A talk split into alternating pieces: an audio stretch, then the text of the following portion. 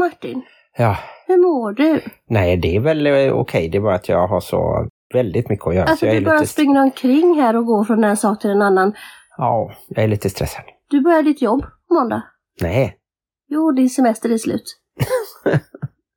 ja, men det går ju inte. Jag har ju inte hunnit det som jag måste göra så att kan man ta ut semester efter semestern? Don't tell me that your life is dull and grey. My only answer is hey, hey, hey, hey. Let's go crazy in the wild, and if by chance we make a child, that just means that we're alive and healthy. Hej och välkomna till avsnitt 249 av Bonuspappan och Plus mamman, en podd om livet mitt i sommaren i en bonusfamilj med tyngdpunkt på föräldraskap och relationer. vi sänder som vanligt i samarbete med Hallands Nyheter, dagstidningen i Varberg och Falkenberg med omnejd. Dagstidningen som tuffar på även när det är sommar och inte bara det utan dygnet runt kan ni få nyheter på webben www.hn.se. Jajamensan. Vi har som sagt eh, semester i några timmar till. Alltså ursäkta men vi, har vi semester? Jag kan inte känna att jag har haft semester, jag har jobbat mer än heltid plus att jag har jobbat med gin också så att heltid plus lite till plus lite till. Jag vet inte om det räknas som semester faktiskt. Jag tänkte mer We the Queen. Jag benämner mig själv som vi, för jag känner mig en lite, queen i det här nu också, jag börjar bli orolig. känner mig lite kunglig. Ja, Nej då. varför inte? Jag Vi- kan vara din fag här. Vi kommer att ha en gemensam vecka till i augusti när vi ska tillbaka till eh, sommarstugan i Småland. Men eh, för mig är semestern slut nu och eh, precis som jag sa i introt så har jag ju inte hunnit så mycket som jag trodde. I alla fall när det gäller själva huset som vi bor i. Du har ju inte hunnit vara ledig i alla fall. Eftersom jag har jobbat så har ju du fått vara mamma kan man säga. Ja, lite mer kanske än vanligt, men det har gått okej. De är ju duktiga. Stora barnen sköter sig ganska mycket själva. Två veckor har det gått sedan förra avsnittet. Det är alltid svårt att sammanfatta en vecka och nästan helt omöjligt att sammanfatta två veckor. Men jag vet i alla fall, förutom att jag då har jobbat extremt mycket, så har jag ju då också jobbat på Majas vid havet och det har varit tre konserter som jag har släppt in folk till och det var Steven Seagals, Jill Johnson och Weeping Willows. Vilken eh, konsert tyckte du var bäst? Alltså rent musikaliskt? Det lite en svår fråga. Jag är ju så liksom inne i min profession att ta biljetter att jag tänker inte på att jag faktiskt är på konserten också. Men jag gillar ju Jill Johnson. Mm. Ja, Men du de- ser inte själva bandet från där Alltså, du jag står? såg ju Jill Johnson. Jag pratade även med henne. Jaha. Jag sprang in och frågade ifall eh, hennes gäster skulle sitta på något speciellt ställe och sådär. Ja. Ja, nej men det, det är kul att få, få lyssna på fin musik på arbetstid, det måste jag ju säga. Det är bara det att det var ovanpå ditt vanliga nattjobb som var mer än heltid eftersom du hoppade in och tog några extra pass. Ja, jag känner mig lite sliten. Jag förstår det. Och så har ju våran eh, yngsta och mellanbarn, höll jag på att säga, han är ju yngst i sin kull. Mm. Men samtidigt har han ju fått en lilla syster Så att han är ju mellanbarn, yngst och också lite äldst. eh, nu kan man ju säga, när vi är iväg någonstans så är det oftast bara de två yngsta som är med oss och då är ju Jin äldst av de två yngsta. Ja, Hängde alla med nu på det? Ja, jag hänger ju med i Du alla hängde fall. med på det, ja precis. Så att jag tänker att det kan vara svårt att hitta sin plats när man har så många olika roller. Mm. Hur som helst så har han ju fyllt 18. Just det, då hade vi ju kalas och då var ju även Jins biologiska pappa här, Anders, som Ja. är pappa till de tre äldsta av barnen. För är... första gången så deltog han i födelsedagsfirande typ sen vi skilde oss för, oj, 2009 tror jag skilsmässa gick igenom. Hur länge sedan är det? Det är väl 13 år i så fall, men eh, han har ju haft egna firanden tror jag, lite grann. Ja, ja, men vi har inte firat tillsammans Nej. sedan dess. Så det var lite roligt, extra kul. Och så hade vi ju, bara för att fira att Jin nu då blir vuxen, så körde vi ett barnkalas med Barbapapa-tema. Och det var väldigt lyckat, vädret var fint och alla var glada och sen så gick jag och sov för att jag skulle jobba natt sen efteråt. Du hade till och med gjort en piñata i form av själva Barbapappan, en stor rosa klump som vi försökte göra sönder, slå på med förbundna ögon.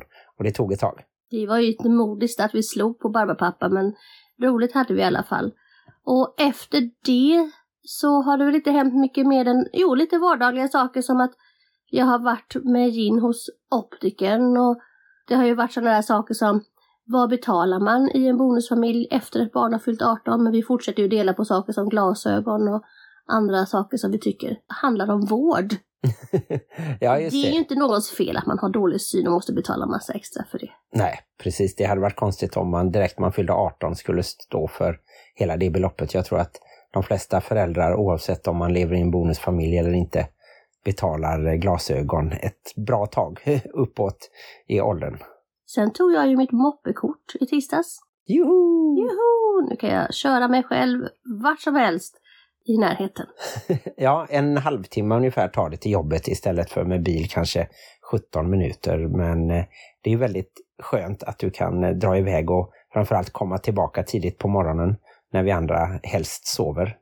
Och så har vi varit och badat med våran hund på hundbadet här i Varberg. Mm, det var lite premiär, Jätteröns tredje vik. Och eh, vi visste ju inte riktigt om Parker kunde simma utan flytväst, men det kan väl alla hundar. men eh, det gjorde han och eh, han trivdes väl bäst med att jaga omkring och sniffa efter de andra hundarna kanske, men han plaskade på rätt bra. Jag tänker alltid när vi är på sådana ställen där det är allmänt så ser vi ju nästan ut som en vanlig familj. Du ser ut som en pappa och jag ser ut som en mamma och våra barn ser ut som våra barn. Ja, men jag tänker faktiskt inte på det så att jaha, nu kanske de tror att jag är pappan. Det är ju bara bra i så fall. Eftersom jag känner att jag har ju ansvar Jag tänkte att för du kanske tänkte då. att de trodde att du var pappan. Ja, Ja, alltså du tänkte att de först trodde att du var bonuspappan men att nej, jag tror inte att de kan se skillnad så på hur vi är eller så mot barnen, att jag skulle verka mer som en bonuspappa. Men som sagt, jag tänker aldrig på det och jag tycker bara det är bra i så fall. Om någon skulle fråga mig någonting om barnen så är det ju jag som har ansvaret på något sätt. Mm. Och den här helgen så kanske vi märker av lite extra att vi är en bonusfamilj eftersom alla åkte till sina pappor. Helle åkte med sin brorsa till deras pappa i Norrtälje och Saga och Gin åkte med sin pappa till hans pappa. Och sen åkte du till din pappa med mig och Parker. Det var bara Lycke som var kvar här med kaninen. Ja, just det. Vi åkte, både jag och min pappa, med brorsan och jag åkte med dig till sommarstugan i Östanå utanför Vetlanda i Småland. För där var det då släktträff för min pappas pappas mamma. Alltså Julia. Och jag är då ett barnbarnsbarn. Och hon hade åtta syskon. Och då samlades det nästan hundra personer som då var ättlingar till de här nio syskonen Jonsson, födda runt 1870 och framåt. Så hundra år äldre än mig. Och det är också ett sånt där ögonblick då jag kan känna mig ganska normal inom situationstecken. Det är ingen som känner någon egentligen. Alla vet bara att vi är släkt med varandra. Så jag behöver inte känna att jag kom in i släkten sent eller så, utan Nej, just det. Du är lika Jag är in, bara ingift som någon annan. eller som andra. till och med då min faster som träffade min farbror när hon var 16 år någon gång eh, på 1960-talet. Så hon har ju funnits i familjen jätte, jättelänge. Undrar hur hon såg ut då? Har du någon bild på henne när hon var 16? Nej, men det kan nog finnas i något fotoalbum någonstans. Eller från bröllopet 1968 var väl det Då var till hon exempel. inte 16 hoppas jag. Nej, då var hon en bit över 20. Men i alla fall så var det ju spännande då att få se det som är då mina bryllingar. Men även två av mina sysslingar. För min farfar hade en syster som hade en dotter. Och hon fick då tre barn och två av dem var där, Johan och Jessica, två tvillingar. Hur blir det med de här berömda släktträden när det är bonusfamiljer? Skär man av grenarna och sätter nya träd eller hur funkar det? Nej, jag vet faktiskt inte om det finns eh, med på det släktträdet, om det räknas annorlunda barn eller bonusbarn eller om man måste adoptera ett barn för att komma med på det släktträdet. Som det är nu så är nog jag och David med men sen inte nästa generation så inga fruar och barn tyvärr. Men, det Men var det ju får vi ett skriva syskon här av de nio som hade haft två fruar. Ja, just det. Han gifte om sig för hans fru dog bara efter några år tror jag. Och då gifte han sig med hennes syster. Det var väldigt vanligt förr. Jag tycker vi ska återinföra det. Jag tänker jag kan gifta mig med din bror när du har blivit lite gammal. Ja, just det. Han är ändå hela två år yngre än vad du är. Ja, vi får se vem av oss som är piggast när vi blir eh, gamla, vem som lever längst. Men jag tänker inte trilla av i första taget. Kanske ännu mindre med tanke på att jag skulle gifta mig med din bror ifall du föll av. Just det. I alla fall så var det lite roligt att eh, höra mer om eh, släkten och jag har fått med mig en tjock bok hem också där det står om de här syskonen som startade olika firmor och butiker och Julia hade ju till exempel café och bageri som min farfar tog över sen då. Sen de här två veckorna så har det ju hänt något ovanligt för mig i alla fall och det är att jag har kunnat börja spela jazz igen. Det har ju varit ett långt pandemiuppehåll, två och ett halvt år tror jag för Göteborgsbandet eh, Veka Jazz Project. Så vi har spelat en gång och sen har jag varit nere i Falkenberg och spelat en gång och det har varit eh, härligt att få trumma igen. Och sen har du lyssnat på en massa jazz också. Just det, det var Live. två, ja, två utomhuskonserter här i Varberg, bland annat med Mölnlycke storband där jag känner en av trumpetarna och har spelat med alla de andra tre enstaka gånger också. Har vi ens hunnit ses under de här två veckorna? Ja, det har vi ändå, men man tänker ju att man ska hinna ses ännu mer just att man har semester, att man reser bort och sådär då. Men eh, det får väl bli våran sista gemensamma semestervecka. Får vi ägna oss åt varandra extra mycket. Fast det blir bara en halv vecka för jag kommer jobba två dagar som jag inte skulle jobba. Ja, just det. Du jobbar på din semester och jag har semester på mitt jobb. Fast det kommer jag inte klara i och för sig. Ja, det här med semester har kanske inte varit min starka sida, men kanske nästa år att jag tar semester som vanligt folk. Men nu tänkte jag att vi skulle käka lite lasagne och fundera på vad vi ska ha för veckans tema. Så kommer vi just det. tillbaka efter den här musiksnutten.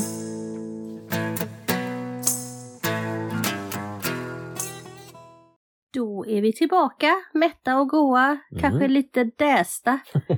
Allt blod har samlats ner i magen nu. Jag tror inte det är någon fara. Men hur som helst så tänkte jag att vi skulle gå in på en sak som heter Femklövern och det har jag ju läst i min favoritbok, nämligen relationsboken som är skriven av Gunilla Bransell och Ove Valodius. Och Gunilla kommer ju att vara gäst här i podden till hösten. Och det är en bok som handlar om konsten att relatera till dig själv och andra. Ja. Och det tycker jag är väldigt viktigt om man ska leva med andra och inte leva som en eremit någonstans på en öde ö eller så. Och i en bonusfamilj så kan man ju faktiskt först då kanske göra den här inventeringen av sig själv. Sen skulle kunna man göra det som ett par och sen kanske hela familjen. Men eftersom vi har begränsat med tid så tänkte jag att idag ska vi inventera dig Martin. Jaha, okej. Ja. Har du papper och penna? ja, det har jag. Femklövern består av fem delar. Inte helt ologiskt. Nej. Nej, det är alltså fem områden i ditt liv och då gäller det att vi ska då se hur viktiga de områdena är för just dig och vad du svarar på vissa frågor och sen se ifall det finns en balans. Ja. Och vi kommer att använda oss av en skala från 1 till 5 där 1 är liksom helt värdelöst och 5 är jättebra och 3 är medel och 2 och 4 är då åt de båda två hållen. Mm, mm. Vill du säga skalan? Jag ser att du tittar på mig som att Ja, jag kan väl säga att eh, när det gäller hur viktigt något är så går det då från helt oviktigt till oviktigt, ganska viktigt, viktigt och mycket viktigt om man är uppe på fem då. Och sen hur nöjd man är, då går det från en etta, mycket missnöjd, till lite missnöjd, rätt okej, ganska nöjd och sen mycket nöjd på femman. Ja, precis. Och om ni vill vara med och göra en inventering av er själva så föreslår jag att ni tar fram ett papper och en penna och ritar upp fem cirklar. Och Martin, du har ritat upp fem cirklar ser jag. Ja, Och då undrar jag vilken siffra du ger hur viktigt det är i ditt liv, den materiella delen. Och den materiella delen, det handlar om det synliga och materiella helt enkelt. Ekonomi, ägodelar, boende, ditt jobb, mm. din sysselsättning. Vad tycker du? Hur viktigt är det i ditt liv? Det beror lite på hur man tänker hur stor betydelse det har. För det har ju väldigt stor betydelse varje dag, det jag jobbar med eller hur jag bor. Men skulle jag kunna bo på ett annat sätt och fortfarande må bra och ha ett annat jobb och fortfarande trivas kanske? Det är lite så jag funderar. Tänk, hur skulle det vara ifall du var arbetslös? Eller om Mm. du kanske inte hade ett tryggt och bra boende eller ifall ditt boende inte passade din familj. Hur viktigt är det då, tror du? Ja, jag får nog tänka att jag är ganska bortskämd och att jag har haft lite tur i livet på eh, många områden, men kanske till exempel det materiella. Men då sätter jag ett betyg här. Vill du veta nu eller sen? Hmm. Ja, men eh, vi kan väl ta det sen kanske. Okej? Ja. Och så kommer några sådana här tankeväckare, några små frågor som du kan då sätta olika siffror där i din cirkel. Och då var det ju från 1 till 5, där 1 är då väldigt dåligt och 5 är att du är jättenöjd med det. Är du nöjd med ditt arbete, studier eller annan sysselsättning? Ja. Vad tycker du om ditt boende, ditt område, grannar och innemiljö? Mm.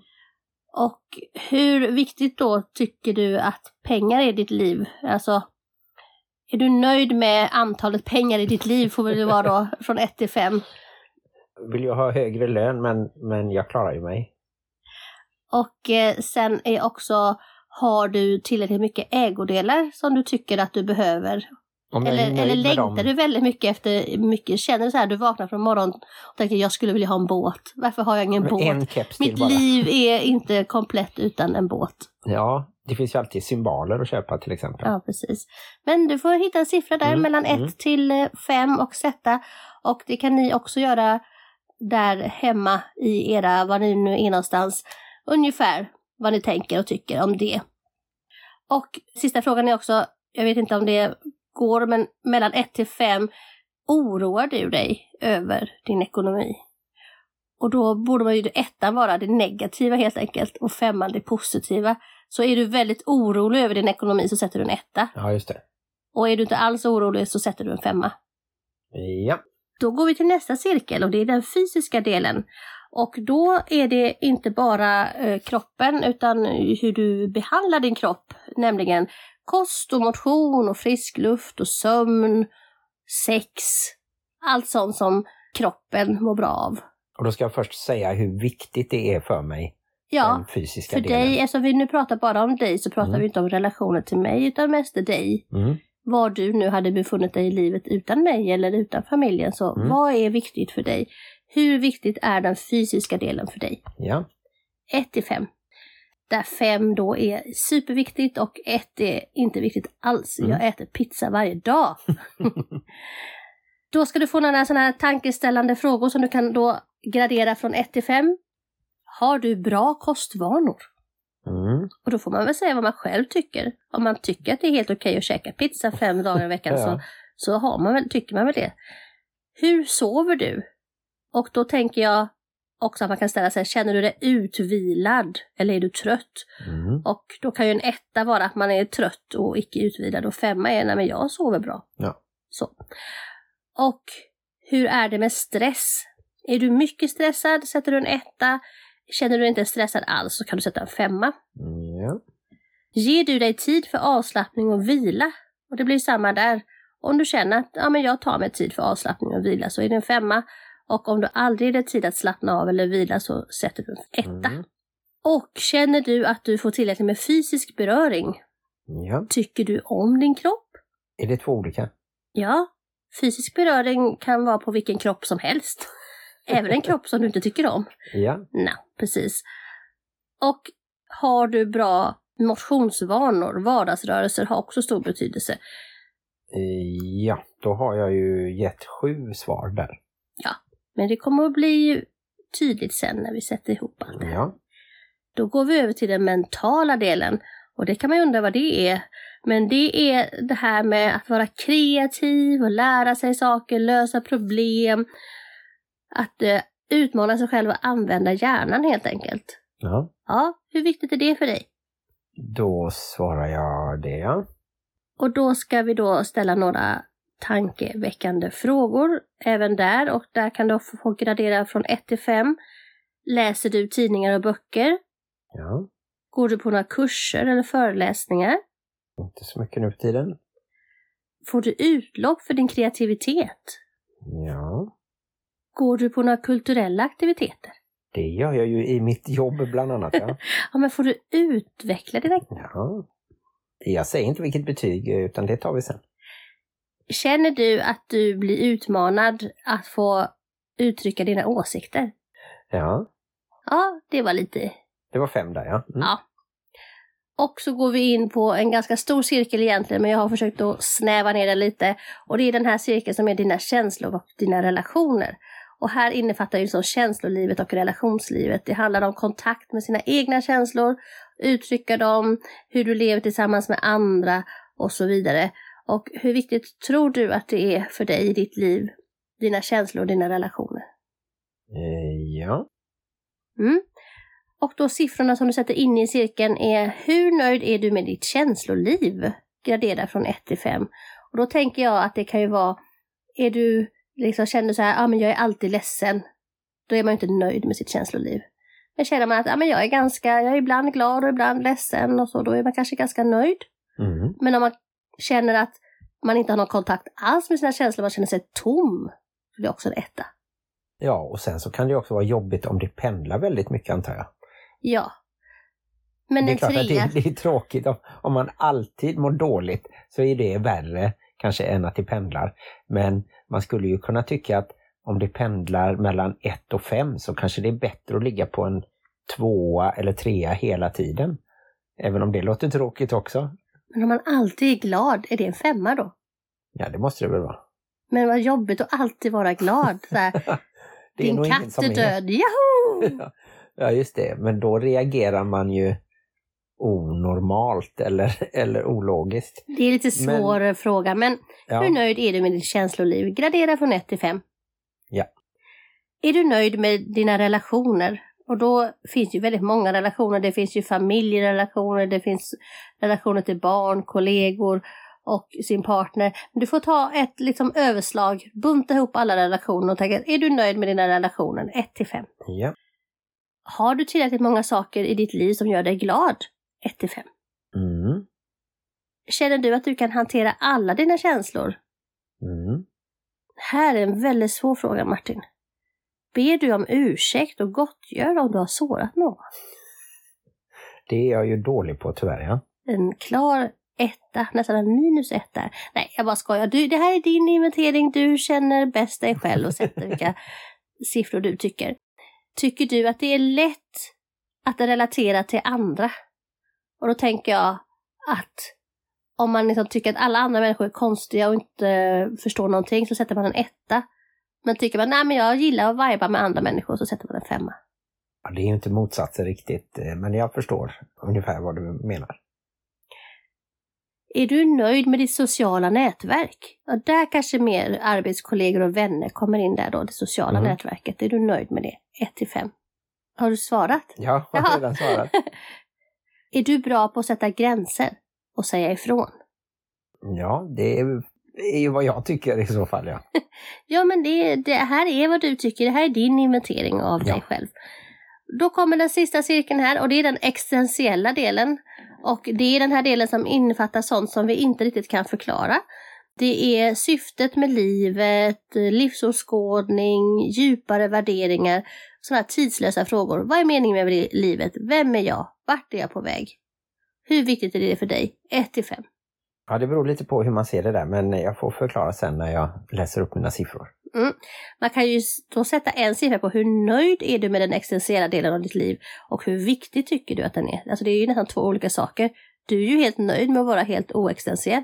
Ja, lite så är det faktiskt, men alla de första frågorna som gäller helheten, där har jag ju svarat på hur viktigt jag tycker det är. Mm. Och sen frågorna inne i cirklarna, de som är mer detaljerade, där har jag ju gått på om jag själv är nöjd eller missnöjd. Ja men precis. Så att den här siffran ska ju vara då hur viktigt du tycker att den existentiella delen är i Ja. ditt liv. Och då har jag svarat. Och här kommer de små frågorna. Har du saker som du tycker är viktigt i livet? Ja, det finns det väl ja. Mm. Funderar du någonsin på meningen med livet? Och då är ju, jag funderar aldrig på meningen med livet en etta och jag grubblar ständigt och dagligen en femma. Och om man vet meningen med livet och Ja, inte behöver tänka mer på det, då är det ju just det, jag glömde att du är Gud. Här kommer nästa fråga. Anser du att du har något syfte med ditt liv? Det beror ju också på om du menar det syftet som jag tror enligt liksom evolutionen. Då har du ju inget syfte för du har ju inte reproducerat dig själv. Nej, alltså hela mänsklighetens syfte. Men om det finns ett högre syfte att jag ska återfödas till exempel eh, som en bättre människa, så tror jag ju inte det. Nej, nej, det här är, har du något syfte med ditt liv? Alltså det här livet som du lever nu, känner du att det har ett syfte? Det, det blir ju en existentiell diskussion eftersom frågan inte går riktigt att ställa så. Men jag sätter en siffra i alla fall. Ja. Funderar du ofta över existentiella frågor? Nej, egentligen inte. Eftersom jag redan har tänkt klart om det. Har du någon tro? Och då sätter jag en femma om jag har en stark tro. Ja. Ja. Om jag har då en stark tro på att religionen är påhittad av människorna, räknas det som en tro eller? Ja, alltså man, ska, man kan faktiskt säga att man har en artistisk eller en agnostisk tro. Det är också en tro. Så ja, fast det är ju din, vetenskap, det din... är fakta. Så jag sätter en etta där. För det, det är ju motsatsen till tro faktiskt. Ja, men det är spännande. Det är spännande. Mm.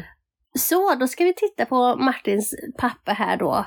Hur viktigt var det med det materiella för dig? Då satte jag att det var viktigt, alltså fyra av fem. Jag ser att du har skrivit över en siffra. Skrev du en siffra först och sen ändrade dig? Ja, jag satte en trea först. Men sen när jag räknade in jobbet till exempel så kände jag att eh, det är en sån stor del ändå och jag är så nöjd med det. Jag satte en femma på det sen.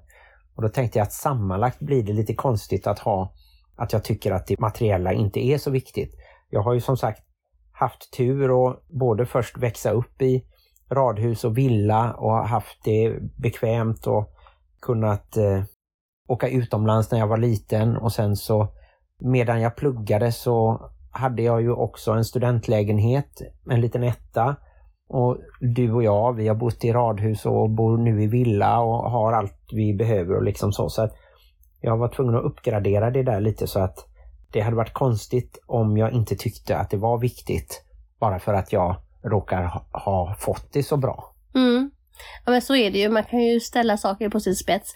När jag tittar på din bild här nu så ser ju jag att du är en ganska nöjd människa. Du är nöjd med dig själv och ditt liv och du, du har inte många tvåor och ettor. De tvåorna som jag ser fanns ju inte på det materiella och det fanns inte heller på den mentala delen. Så där tycker du själv att du är tillfredsställd. Du tycker att du har tillräckligt mycket utmaningar i livet och du är nöjd med liksom boende och jobb och sådana saker. Ja, materiellt så blir det ju ganska högt snitt. Tre femmor, en fyra och en trea. Och den fysiska delen satte jag också en fyra på, att jag tycker det är viktigt med det kroppsliga måendet och sömn och sådär. Och där har jag då fyra fyror och tre treor så det är lite lägre snitt i nöjdheten där. Så jag önskar kanske att jag hade kunnat träna mer och vila också lite mer och så. Men det tänker jag att det beror ju lite på livet som vi lever nu med att jobba heltid och ha fyra barn och så vidare. Mm. Men det hänger ju ganska mycket ihop också med hur viktigt du tycker det är och ungefär hur mycket du gör med det i livet. Så det är ju ganska bra egentligen. För hade du haft att det var jätteviktigt för dig, en femma, och du hade haft mycket ettor och tvåor där, då hade du ju varit missnöjd med ja. någonting som du faktiskt tycker är väldigt viktigt. Så jag tänker att den siffran ska ju också lite höra ihop med siffran. Om det hade varit något som du tyckte var oviktigt och så var det Ändå hade, bra, så kändes hade det lagt väldigt mycket energi onödigt, på det. Så, och så ser jag där att du har satt en femma på den mentala delen. Ja precis, då att du kände att du får kreativt utlopp och utmana dina tankar och få tänka och fundera och filosofera. Det är viktigt för dig, det är en femma. Och där har du faktiskt satt en tvåa. Så där fanns ju ett utrymme så att du kunde liksom utveckla det lite kanske. Ja, du får säga frågorna igen. Ja, det var väl det här med att du inte går på kurser och föreläsningar så mycket som du skulle vilja kanske. Nej, och det, jag har ju, tycker ju att jag har pluggat eh, tillräckligt på universitetet och sen att jag har gått lite vidareutbildningar också innan vi träffades. Så nu så gör jag inte det och har inte tid och så. Okej, okay, så den tvåan är snarare att du inte gör det, det är inte att du är missnöjd med det.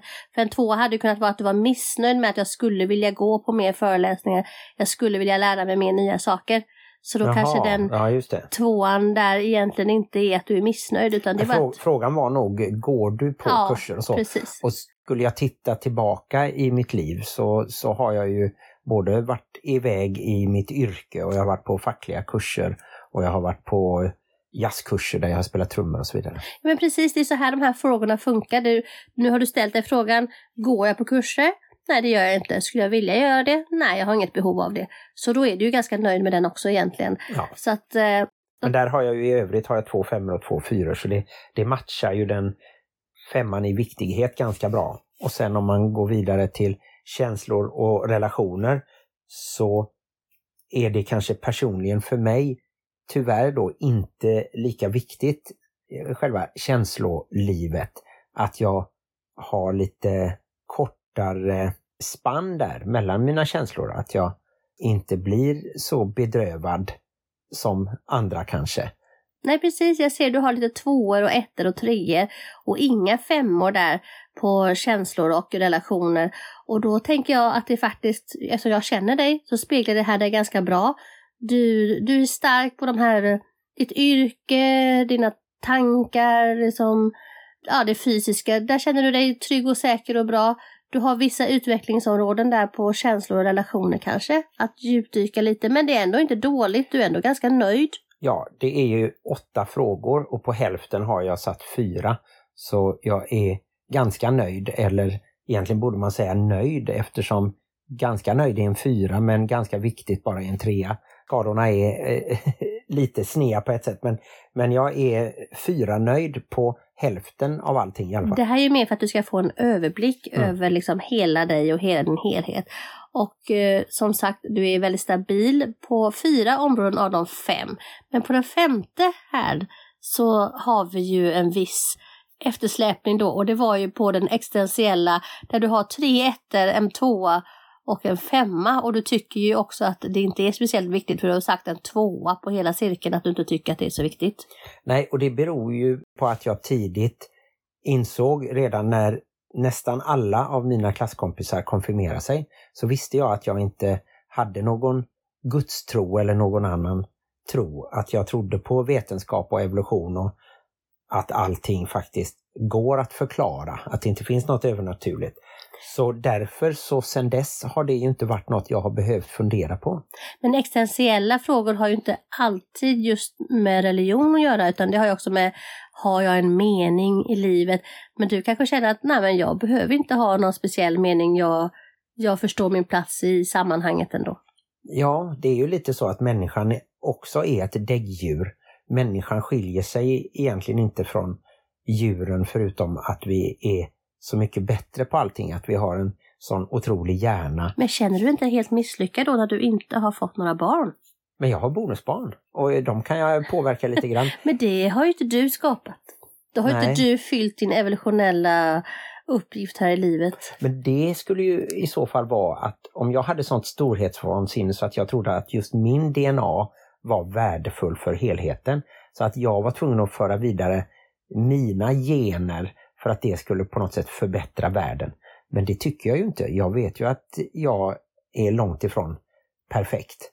Så därför så måste det inte just vara mina biologiska barn som lever vidare och får nya barn. Men du menar att du har ju tagit den här omhändertagande rollen att du tar hand om avkomma helt enkelt?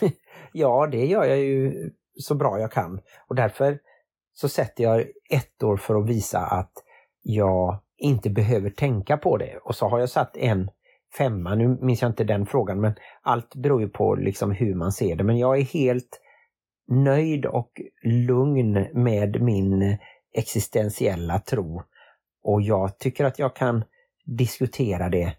Och jag vet att det finns andra som tycker precis som mig att eh, de har förstått hur allting hänger Det ihop. finns liksom. andra som tycker helt olika dig också. Ja, det finns det ju, Ja, absolut. Men jag tycker ändå att det är en intressant bild som målas upp här. Jag tycker vi nästan ska fota den och lägga ut på våra sociala medier senare när vi släpper det här avsnittet. Men det är ju inget nytt egentligen. Du är en välbalanserad människa som är ganska nöjd med ditt liv helt enkelt. Ja. Men du har vissa brister där du skulle kunna utvecklas. Och hade jag varit Gunilla nu så hade jag kanske kunnat ställa några utmanande frågor till dig och haft en lång och innerlig diskussion om den där sista biten i femklövern. Du kanske har väldigt stabil fyrklöver helt enkelt. Men din femklöver är ändå lite haltande.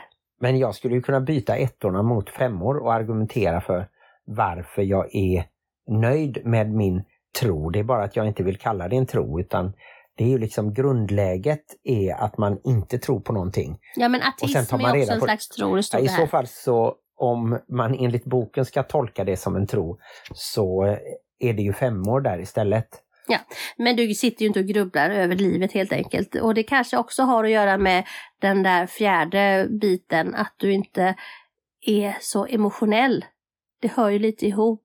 Ja, jag tror också det att eh, det kan också vara att man är ytligt känslosam och sen så kan man vara känslosam inne i sig själv men ha svårt att visa det också.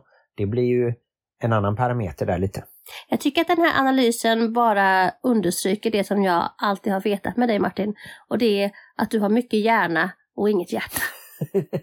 jag brukar skoja om det ibland, att jag verkar väldigt snäll och trevlig och glad och så. Men att jag har ett hjärta av sten. Det stod inte på din Tinder-profil Martin. Nej, Hjärta av sten. Kanske inte hade svept höger då. Nej. jag är, är helt vanlig och har ett, ett vanligt hjärta som har en liten arytmi så att det synkoperar lite. Det slår lite jazzigt ibland. Men det är ingenting som är farligt, har de sagt. Nej, jazz är inte farligt, även om man kan tro det. Detta var dagens lite filosofiska tankar runt livet i Martins huvud. Och Martin lever ju i en bonusfamilj, han är ju en bonuspappa. Och eh, om ni tyckte att det här var roligt så kan ni spola tillbaka och så göra den här analysen själva. Och det är ju mer för att man själv ska få en bild av sig själv. Vad man kanske då har lite lägre poäng, vad man är lite missnöjd med eller där man är helt nöjd. Så att det är som inte så här att det finns exakt rätt eller fel svar utan det är mer för att få en, en helhetsbild vad man ska kanske lägga lite mer krut på. Och då kanske vi skulle kunna göra så här att du gör motsvarande och så ser vi om det finns likheter mellan våra cirklar eller om vi är så att säga olika mycket nöjda på olika områden eller att vi tycker vissa områden är olika mycket viktiga. Alltså det ironiska är nog att jag tror att jag kommer vara en direkt spegelbild av dina cirklar, alltså motsatsen. Oj! Där du är höger, där kommer jag vara vänster. Mhm. Inte politiskt då, men jag är ganska nöjd med mitt känsloliv på det sättet att jag är nöjd med mig själv som människa och sådär. Men sen så kanske jag har andra saker som jag behöver jobba lite mer på. Jag har kanske mer saker att önska mig på de materiella punkterna och även på de fysiska punkterna. In, ja, jag är ganska nöjd med, med den mentala biten. Jag tror att det är den enda cirkeln där du och jag är lika faktiskt. Jaha. Det är den här mentala cirkeln. Mm. Där tror jag vi är ganska lika. Och det kanske är en bra cirkel att ha lika. Men annars så tror jag att du rockar cirkel 1 och 2. Jag rockar cirkel 4 och 5 och sen så har vi den tredje gemensam. Mm. Det är inte omöjligt. Vi får se om du kan göra det här när du jobbar i natt, om du har tid och lust med det. Ja, lycka till mig själv och lycka till ni andra som också vill göra den här lilla kortanalysen av era liv.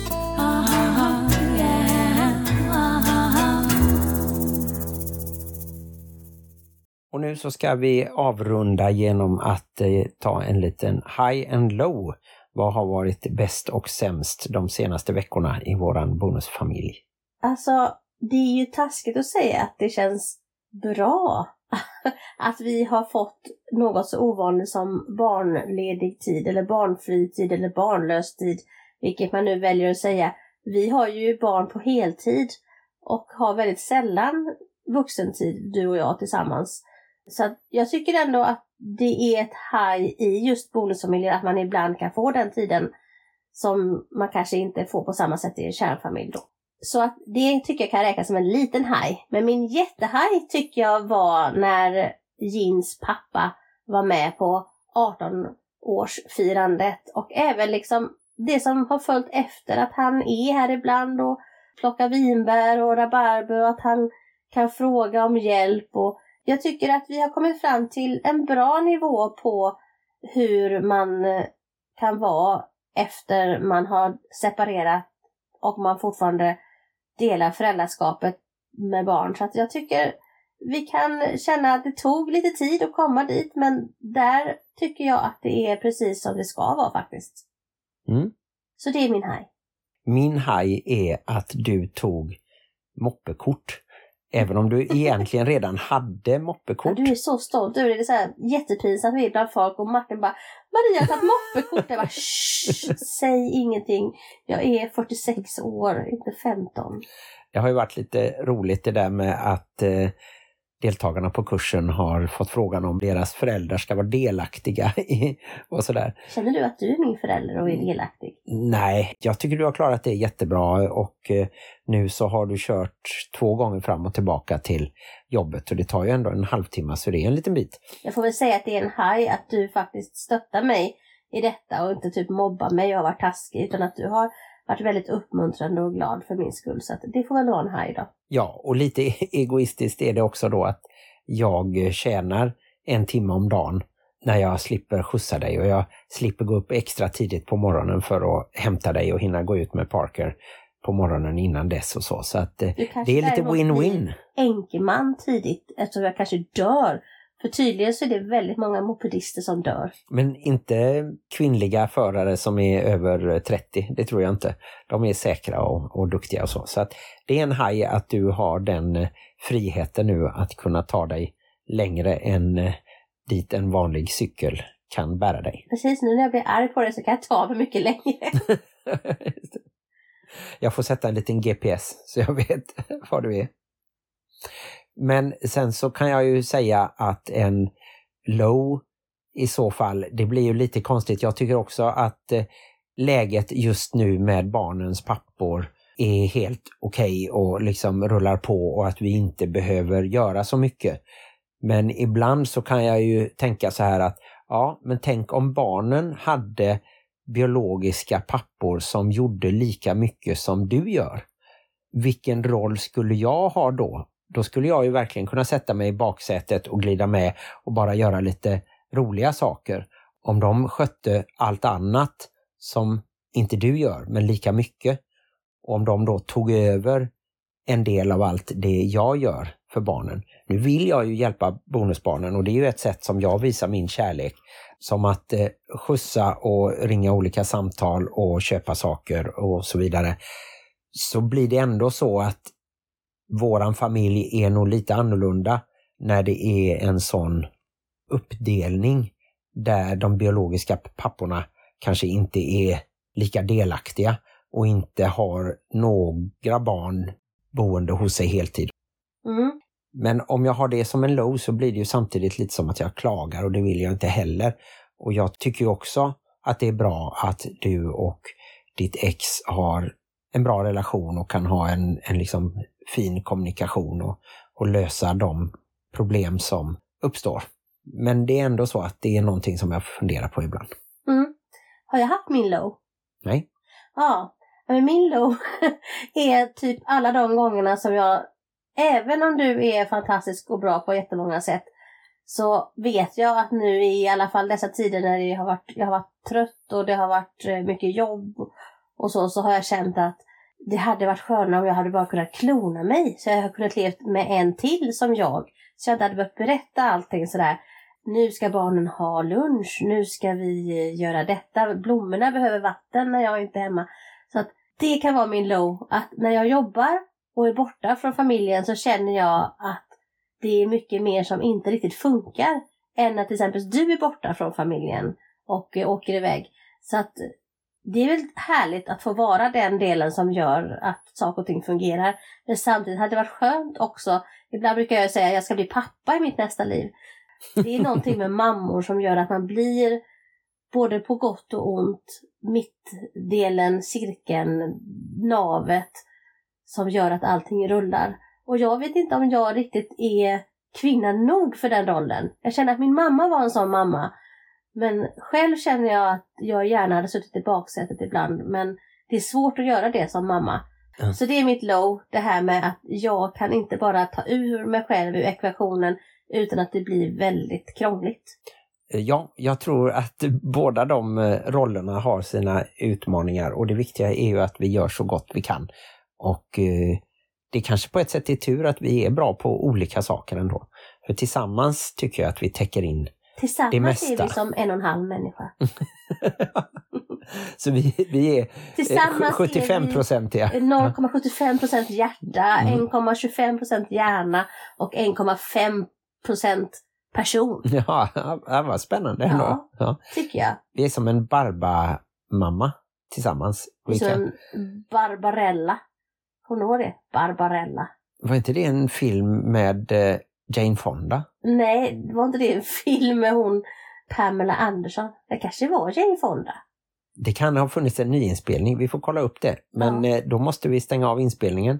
Och innan dess så säger vi att eh, ni gärna får skicka in förslag på ämnen eller förslag på gäster som vi kan kontakta och intervjua. Och ni når ju oss alltid via våra sociala medier. Facebook och Instagram, Bonuspappan och Plusmamman. Och ni kan även mejla till bonuspappan.plusmamman gmail.com.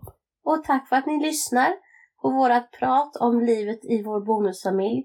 Jag vet att det har betytt mycket för dig och mig att kunna varje vecka och nu varannan vecka faktiskt prata lite om sånt som kanske skaver eller någonting som man har funderat på. Det har varit som terapi för oss i alla fall. Mm, man tvingas att eh, tänka ett varv till för att inte svara något helt eh, galet. Glöm inte att livet i bonusfamiljen kan vara besvärligt. Men också härligt. Och ibland svarar vi galet, för vi är inga experter. Vi är bara två helt vanliga, gamla, sletna, medelålders människor. så är det. Hej då! Hej då! Om vi är en halv person, vilken del av personen är vi då? Är vi liksom från huvudknoppen och ner till knäna? Eller är vi från tårna och så till halsen? Mina knän är ju så dåliga som vi sätter dina fötter direkt på mina knän. Eller tvärtom, eh, för dina fötter är lite opererade, så mina fötter på dina knän. Jag tänker mest att vi skulle kunna vara som att du är en vandrande hjärna och jag är ett vandrande hjärta. Och så håller vi varandra i handen och så på något sätt så funkar våran kropp då som en kropp behöver en hjärna och ett hjärta. Men släpper vi varandra så, är vi inte, så funkar vi inte. Du kan inte bara ha en hjärna eller bara ha ett hjärta. Så vi har varsin arm och så håller vi varandra i den enda handen vi har var. Och sen så har vi ett ben var så att vi samtidigt går och haltar lite så, så vi går i en cirkel hela Men tiden. så här lungor och njurar och sånt då? Mage? Ja, Lever? ja. lever gör vi.